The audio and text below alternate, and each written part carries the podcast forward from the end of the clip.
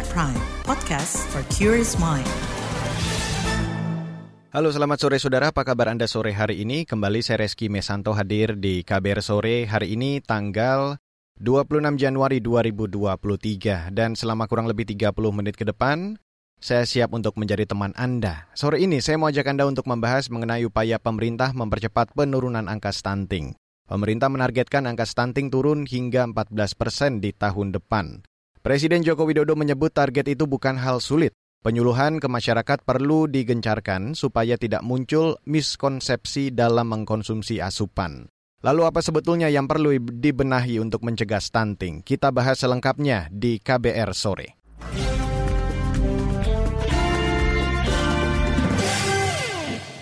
Saudara Presiden Joko Widodo menyatakan masalah stunting masih menjadi pekerjaan rumah yang harus segera diselesaikan.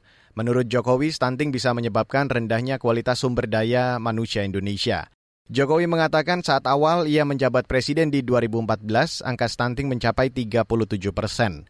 Ia mengklaim angka itu berangsur turun hingga 21 persen di tahun lalu.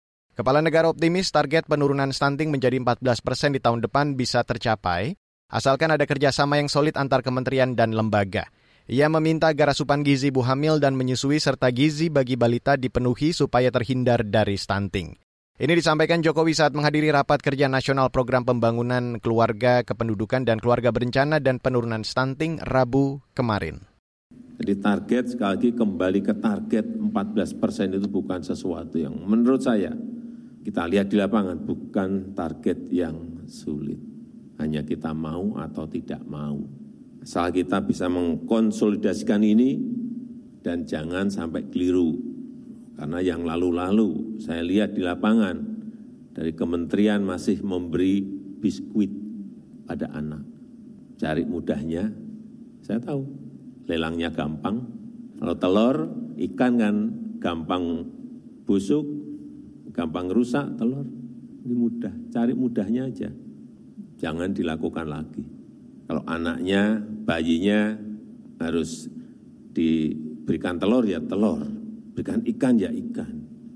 Presiden Jokowi mengatakan penyuluhan mengenai asupan makanan berkualitas bagi ibu hamil dan menyusui serta bayi penting untuk digencarkan. Jokowi juga menyinggung soal kasus orang tua yang memberikan kopi susu pada bayi usia 7 bulan. Jangan sampai bayi atau ibu hamil harus diberi protein, diberikan ikan, diberi telur.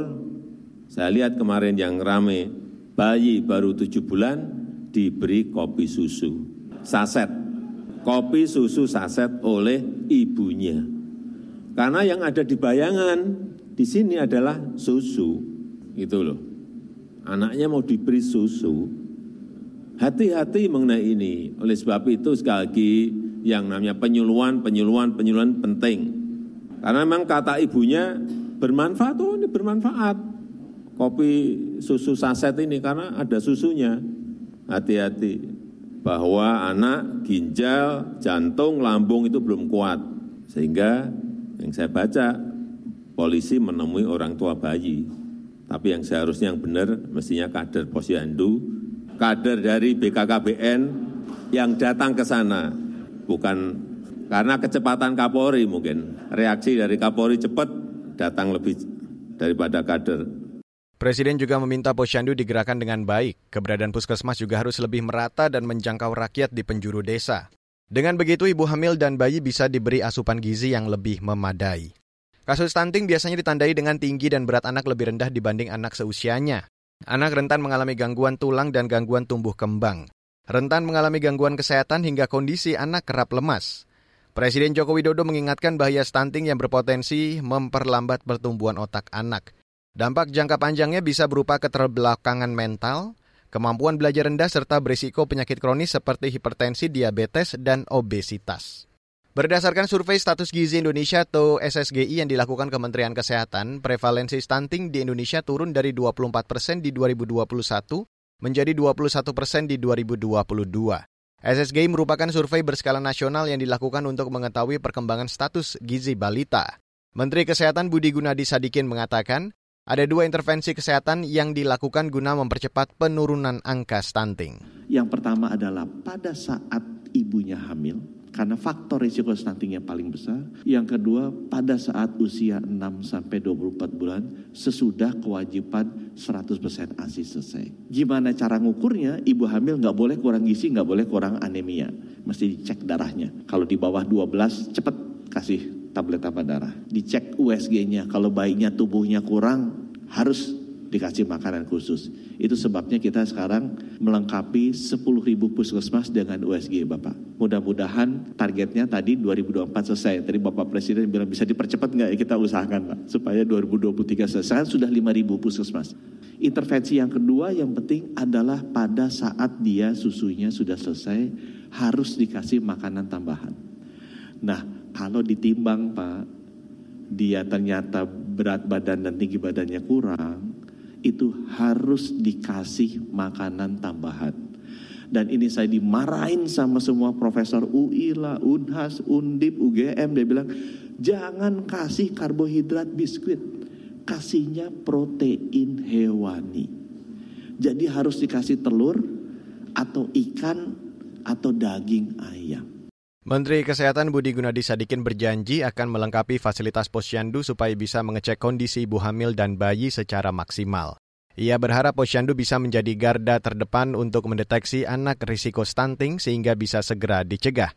Menurut Budi Gunadi, tingkat kesembuhan bayi yang terkena stunting hanya 20 persen. Begitu ditimbang tidak naik, segera kirim ke puskesmas. Itu namanya istilahnya weight Walter. Karena kalau di situ diintervensi 90% bisa sembuh. Kalau ditunggu sampai stunting hanya 20% yang sembuh, anak kita bodoh. Saudara itu tadi Menteri Kesehatan Budi Gunadi Sadikin. Sementara itu Badan Kependudukan dan Keluarga Berencana Nasional atau BKKBN menetapkan lima pilar dalam mempercepat penurunan stunting. Kepala BKKBN Hasto Wardoyo mengatakan salah satu pilar itu adalah pemberian pangan yang baik. Pilar pertama adalah komitmen yang pilar kedua adalah bagaimana kita bisa melakukan masif information system terkait dengan masalah kesadaran pencegah stunting. Kemudian pilar ketiganya kita harus bisa melakukan konvergensi dan pilar keempatnya kita harus bisa menyediakan pangan dengan baik dan pilar kelimanya kita harus bisa melakukan inovasi, terobosan dan data yang baik. Saudara itu tadi Kepala BKKBN Hasto Wardoyo. Baiklah, kita jeda sejenak. Setelah jeda akan saya hadirkan laporan khas KBR yang akan membahas ragam upaya pemerintah tekan lonjakan angka kemiskinan. Tetaplah di KBR Sore. You're listening to KBR Pride, podcast for curious mind. Enjoy!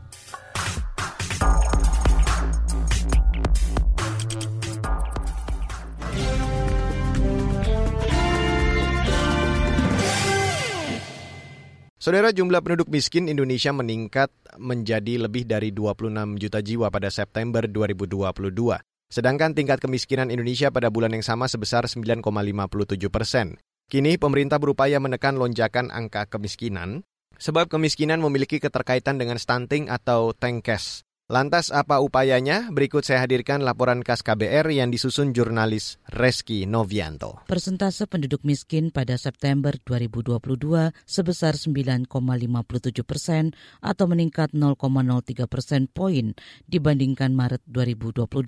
Artinya, jumlah penduduk miskin pada September 2022 sebesar 26,36 juta orang, meningkat 0,20 juta orang terhadap Maret 2022. Merespon data itu, pemerintah berupaya melakukan langkah cepat untuk mengentaskan kemiskinan. Percepatan penting dilakukan lantaran kemiskinan memiliki keterkaitan erat dengan stunting atau tengkes. Presiden Joko Widodo memerintahkan para menteri dan kepala lembaga agar memfokuskan anggaran pendapatan dan belanja negara APBN tahun 2023 untuk program-program yang produktif.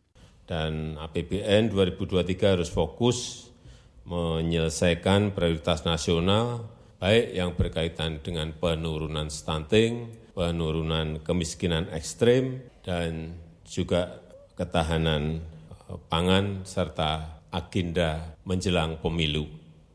Kepala negara juga meminta para kepala daerah memeriksa kembali data kemiskinan ekstrim, sebab angka kemiskinan di 14 provinsi masih tinggi, semisal di Papua, Papua Barat, dan Maluku.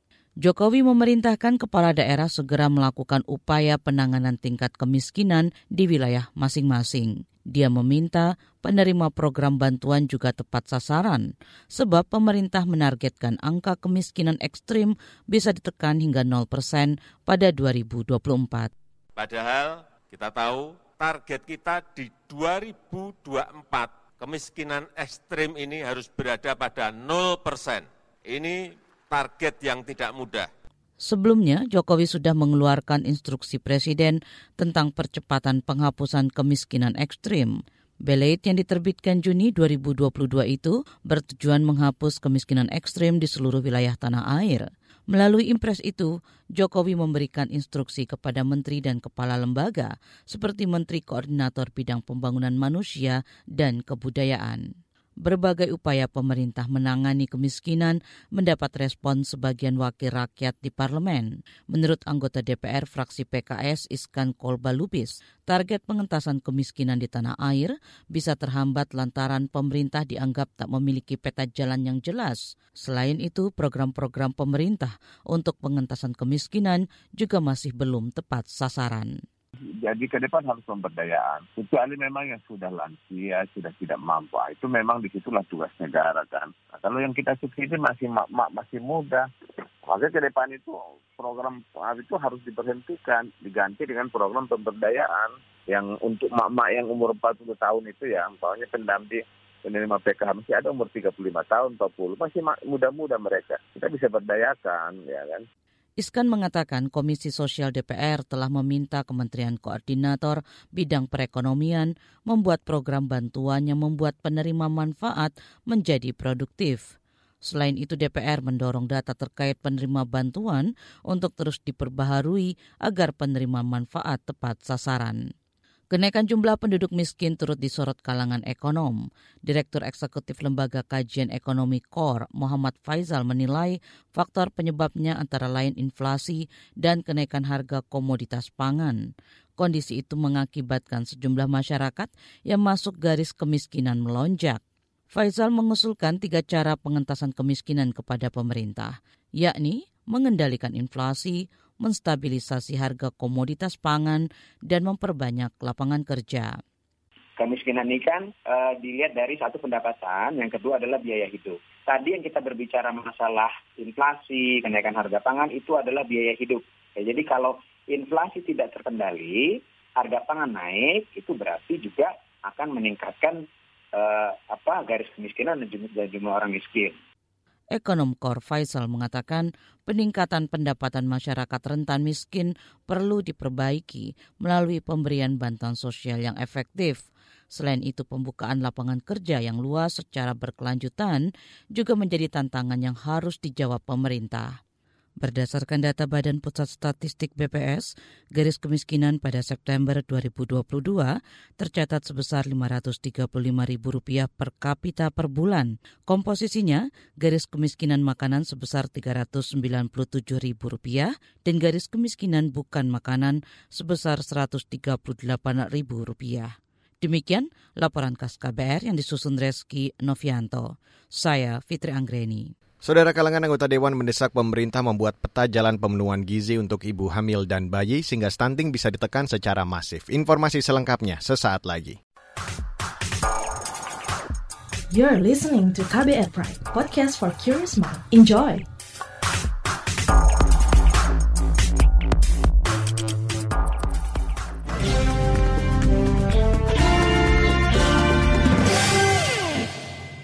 Saudara kalangan parlemen mendesak pemerintah membuat peta jalan pemenuhan asupan gizi ibu hamil dan bayi secara berkelanjutan. Dengan begitu asupan gizi bisa terjamin dan terhindar dari stunting. Anggota Komisi Kesehatan di DPR Neti Prasetyani mengatakan dibutuhkan political will atau kemauan politik dari pemerintah untuk mempercepat penurunan stunting. Upaya ini juga harus melibatkan lintas kementerian dan lembaga secara serempak. Dia juga mendorong agar program penanganan stunting lebih tepat sasaran, misalnya dalam pemberian bantuan sosial. Selengkapnya saya ajak Anda untuk langsung mendengarkan perbincangan jurnalis KBR, Astri Septiani dengan anggota Komisi Kesehatan di DPR, Neti Prasetyani. Bagaimana evaluasi DPR mengenai program penanganan stunting yang dilakukan oleh pemerintah selama ini? Ya, yang pertama tentu saja kita menagih political will pemerintah melalui hari ini yang menjadi leading sektornya adalah BKKBN ya, berdasarkan PP nomor 75 tahun 2021.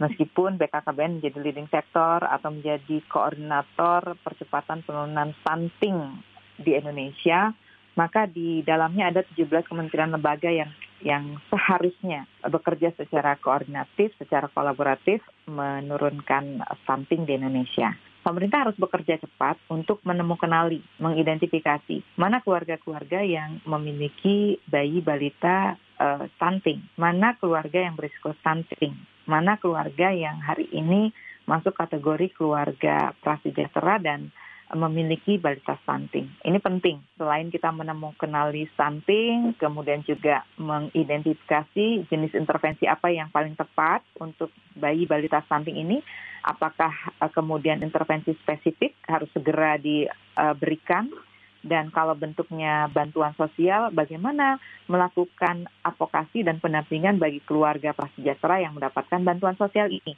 Presiden Jokowi juga meminta agar pemberian makanan tambahan berupa biskuit diganti menjadi telur dan juga ikan. Bagaimana pandangan DPR? Apakah memungkinkan dari segi anggaran terutama? Ya, tentu saja ini kembali lagi pada bagaimana pemerintah uh, mampu menyiapkan uh, sebuah peta jalan mendistribusikan perlinsos dalam berbagai skema bansos tadi ya kan? Perlinsos ini terdistribusi pada berbagai skema. Ada bantuan pangan non tunai ada eh, program keluarga harapan begitu ya. Banyak sekali yang di, didistribusikan uh, dalam skema yang besar disebut perlinsos. Nah ini yang disebut-sebut oleh kepala BKKBN sebagai bentuk intervensi spesifik ya. Kenapa? Karena daya beli masyarakat yang rendah tentu saja akan berbanding lurus pada uh, asupan gizi yang bisa diberikan kepada eh, anak-anak uh, atau balita kita. Seperti itu. Nah, sekarang pertanyaannya apakah kemudian pemerintah memiliki juknis, kemudian pendamping lapangan untuk memastikan bahwa perlinsos yang akan dibelikan dalam bentuk makanan bergizi khususnya protein hewani ini tepat sasaran dan kemudian keluarga-keluarga yang khususnya berisiko stunting memahami jenis makanan apa yang harus dibeli ini yang juga menjadi titik krusialnya. Stunting erat juga kaitannya dengan kemiskinan. Lalu apa masukan dari DPR kepada pemerintah untuk mengatasi dua masalah tersebut sekaligus? Ya, sebetulnya kalau kita bicara kemiskinan ini nggak bisa selesai ya dalam satu sesi karena kemiskinan ini uh, penyebabnya juga sangat sangat uh, multidimensi ya, mulai dari kemiskinan informasi, kemudian ketiadaan pekerjaan, uh, kemudian tidak memadainya pengetahuan. Jadi uh, saling berkelit berkelindan kalau kita bicara kemiskinan ya.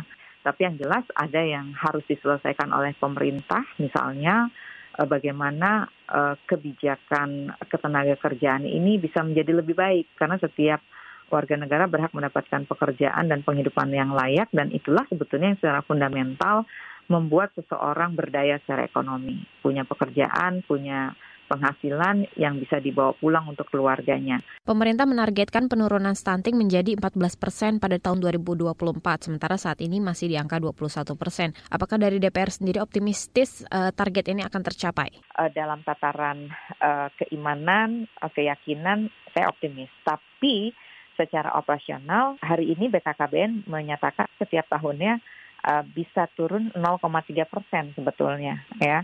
Jadi artinya kita harus mendorong ya, pemerintah baik di tingkat pusat, pemerintah daerah, kementerian lembaga untuk me menjadikan uh, anggaran yang ada di kementerian dan lembaga masing-masing sebagai instrumen untuk betul-betul menurunkan stunting baik menyelesaikan penyebab langsung maupun penyebab tidak langsungnya.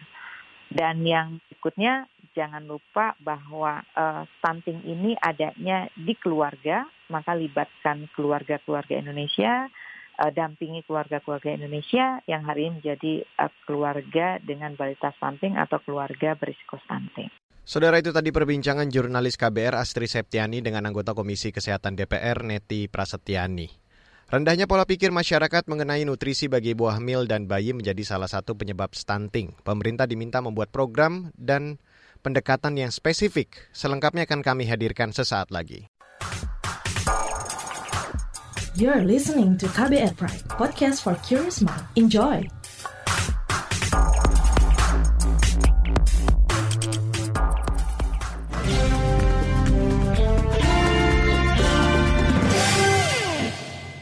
Kalangan ahli kesehatan turut menyoroti pemenuhan asupan gizi berkelanjutan untuk calon ibu, ibu hamil, dan menyusui serta bayi. Pemenuhan asupan gizi merupakan salah satu upaya untuk penanganan dan pencegahan stunting. Ketua Umum Ikatan Ahli Kesehatan Masyarakat Indonesia, IAKMI, Edi Surya Darmawan mengatakan, pemerintah harus membuat program spesifik yang menyasar keluarga-keluarga rentan terkena stunting. Selain itu, pemerintah juga harus menggencarkan edukasi dan pemahaman kepada masyarakat terkait kebutuhan nutrisi dan gizi. Selengkapnya saya ajak Anda untuk langsung mendengarkan perbincangan jurnalis KBR Astri Yuwanasari bersama Ketua Umum Ikatan Ahli Kesehatan Masyarakat Indonesia, Ede Surya Darmawan. Soal pemberian biskuit kepada anak dikritik sama Pak Jokowi gitu. Nah, uh, ya. seben uh, sebenarnya ini uh, asupan seperti apa gitu yang ideal untuk ibu hamil dan bayi agar mencegah stunting gitu, Pak? Yang disampaikan Pak Jokowi itu pemicu lah ya tentang kesadaran kita. Artinya beliau dapat input ya mudah-mudahan dari Menteri Kesehatan atau siapa pun ahlinya ya yang menyampaikan kepada beliau kalau seperti ini seharusnya intervensi yang diberikan adalah bagaimana menjamin ketersediaan gizi yang baik terutama protein bagi ibu hamil dan bagi ibu yang menyusui dan kepada bayi yang disusuinya sampai usia 24 hmm. bulan. Itu minimal. Nah, setelah itu tentu saja diharapkan ya normal aja. Anak itu, anak balita khususnya mendapatkan makanan yang wajar, cukup kalorinya, cukup proteinnya, cukup lemaknya, cukup vitaminnya sehingga dia tumbuh tumbuhnya normal secara fisik dan secara psikologis juga diharapkan nanti akses pendidikan juga membaik sehingga dia menjadi siap secara fisik tumbuh, kemudian tumbuh emosional, spiritual, dan juga psikososialnya dengan baik, artinya tumbuh dan berkembang. Sekarang apa peran dari biskuit? Pertama adalah biskuit bukan makanan pokok anak-anak Indonesia itu yang pertama. Yang kedua, sebanyak apa sih yang bisa dikonsumsi dari biskuit kan paling jadi snack doang kan karena bukan makanan pokok kan gitu ya sehingga kritik Pak Jokowi ya benar saja tapi hmm. memang intervensi itu harus pertama adalah sesuatu yang spesifik langsung menjamin ketersediaan protein bagi ibu hamil protein bagi bayi dan e, ASI yang bagus, kemudian bayi 24 bulan ke bawah sehingga dia bisa mendapatkan jaminan tulangnya tumbuh dengan baik sehingga tingginya pun cukup dan berkembang dengan baik dan tidak mengalami stunting. Itu prinsip. Bagaimana gitu Pak yang baik agar distribusinya atau bagaimana cara pemberiannya untuk uh, memenuhi asupan protein sendiri untuk di seribu hari kehidupan itu Pak untuk pencegahan stunting ini sendiri gitu Pak? Oke, jadi kan isunya di sini adalah bagaimana kecukupan asupan makanan kan begitu ya. Mm -hmm. Di sinilah negara harus hadir. Makanya programnya harus dibuat spesifik juga mm. kepada keluarga-keluarga yang potensial misalnya akan rawan stunting itu harus harus diintegrasi dengan baik dan harus dijamin kebutuhannya keterpenuhannya. Nah, bagaimana jaminnya ya tidak harus kemudian dia disuplai dengan uh, apa biskuit lagi, tapi berikanlah kemudahan akses bagi keluarga itu supaya bisa hidupnya itu normal, mendapatkan makanan yang baik. Jadi memang sangat berkaitan dengan besarnya adalah bagaimana tingkat kemiskinan. Idealnya sih memang diidentifikasi siapa sih keluarga ini kan gitu ya. Kalau ternyata keluarga ini adalah misalnya keluarga yang miskin 20 eh, persen paling bawah gitu kan, berarti ini harus dilindungi. Gitu. Kenapa bisa miskin seperti itu? Apakah karena miskin juga secara pendidikan, dia nggak paham bagaimana makanan yang bagaimana pola asuh dan sebagainya, atau cara hidupnya yang barangkali memang boros gitu ya untuk hal yang nggak perlu. Mohon maaf saya sampaikan seperti ini karena kita sudah sering melihat keluarga pendapatannya pas-pasan gitu ya, tapi uangnya habis oleh bapaknya untuk konsumsi rokok gitu. Hmm. Nah ini kan harus, diajari dan negara yang membiarkan ini hmm. uh, aspek pola pikir mengubah pola pikir dan mengubah pola perilaku itu harus dilakukan serentak. Uh, bagaimana gitu uh, pendekatan yang efektif untuk mengubah cara pandang ini gitu Pak? Gini, yang pertama adalah ini ini kita harus bareng-bareng lah ya. Sampai hari ini harus kita akui ya, kan di indeks pembangunan manusia kita rata-rata ramah sekolah penduduk Indonesia itu masih tujuh ya tujuh tahun atau kelas 11 atau eh kelas kelas tujuh ya kelas delapan gitu ya SMP belum tamat. Nah kalau seperti itu artinya apa yang harus kita lakukan adalah pendidikan secara umum harus diperbaiki. Dan saudara itu tadi perbincangan jurnalis KBR Astri Yuwanasari bersama Ketua Umum IAKMI Ede Surya Darmawan yang sekaligus menutup KBR sore untuk hari ini. Saya Reski Mesanto mewakili tim redaksi yang bertugas sore hari ini. Kami undur diri. Salam.